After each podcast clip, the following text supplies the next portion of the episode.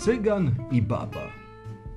Mówią ludzie, że przed laty cygan wszedł do wiejskiej chaty, skłonił się babie u progu i powitawszy ją w Bogu, prosił, by tak dobrą była i przy ogniu pozwoliła z gwoździa zgotować wieczerze i gwóźdź długi w rękę bierze.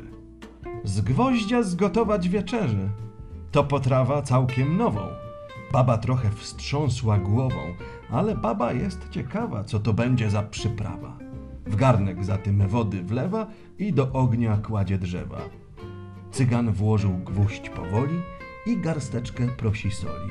Hej, mamuniu, do niej rzecze, łyżka masła by się zdała. Niecierpliwość babę piecze, łyżkę masła w garnek wkłada. Potem cygan jej powiada, hej, mamuniu, czy tam w chacie krup garsteczki wy nie macie?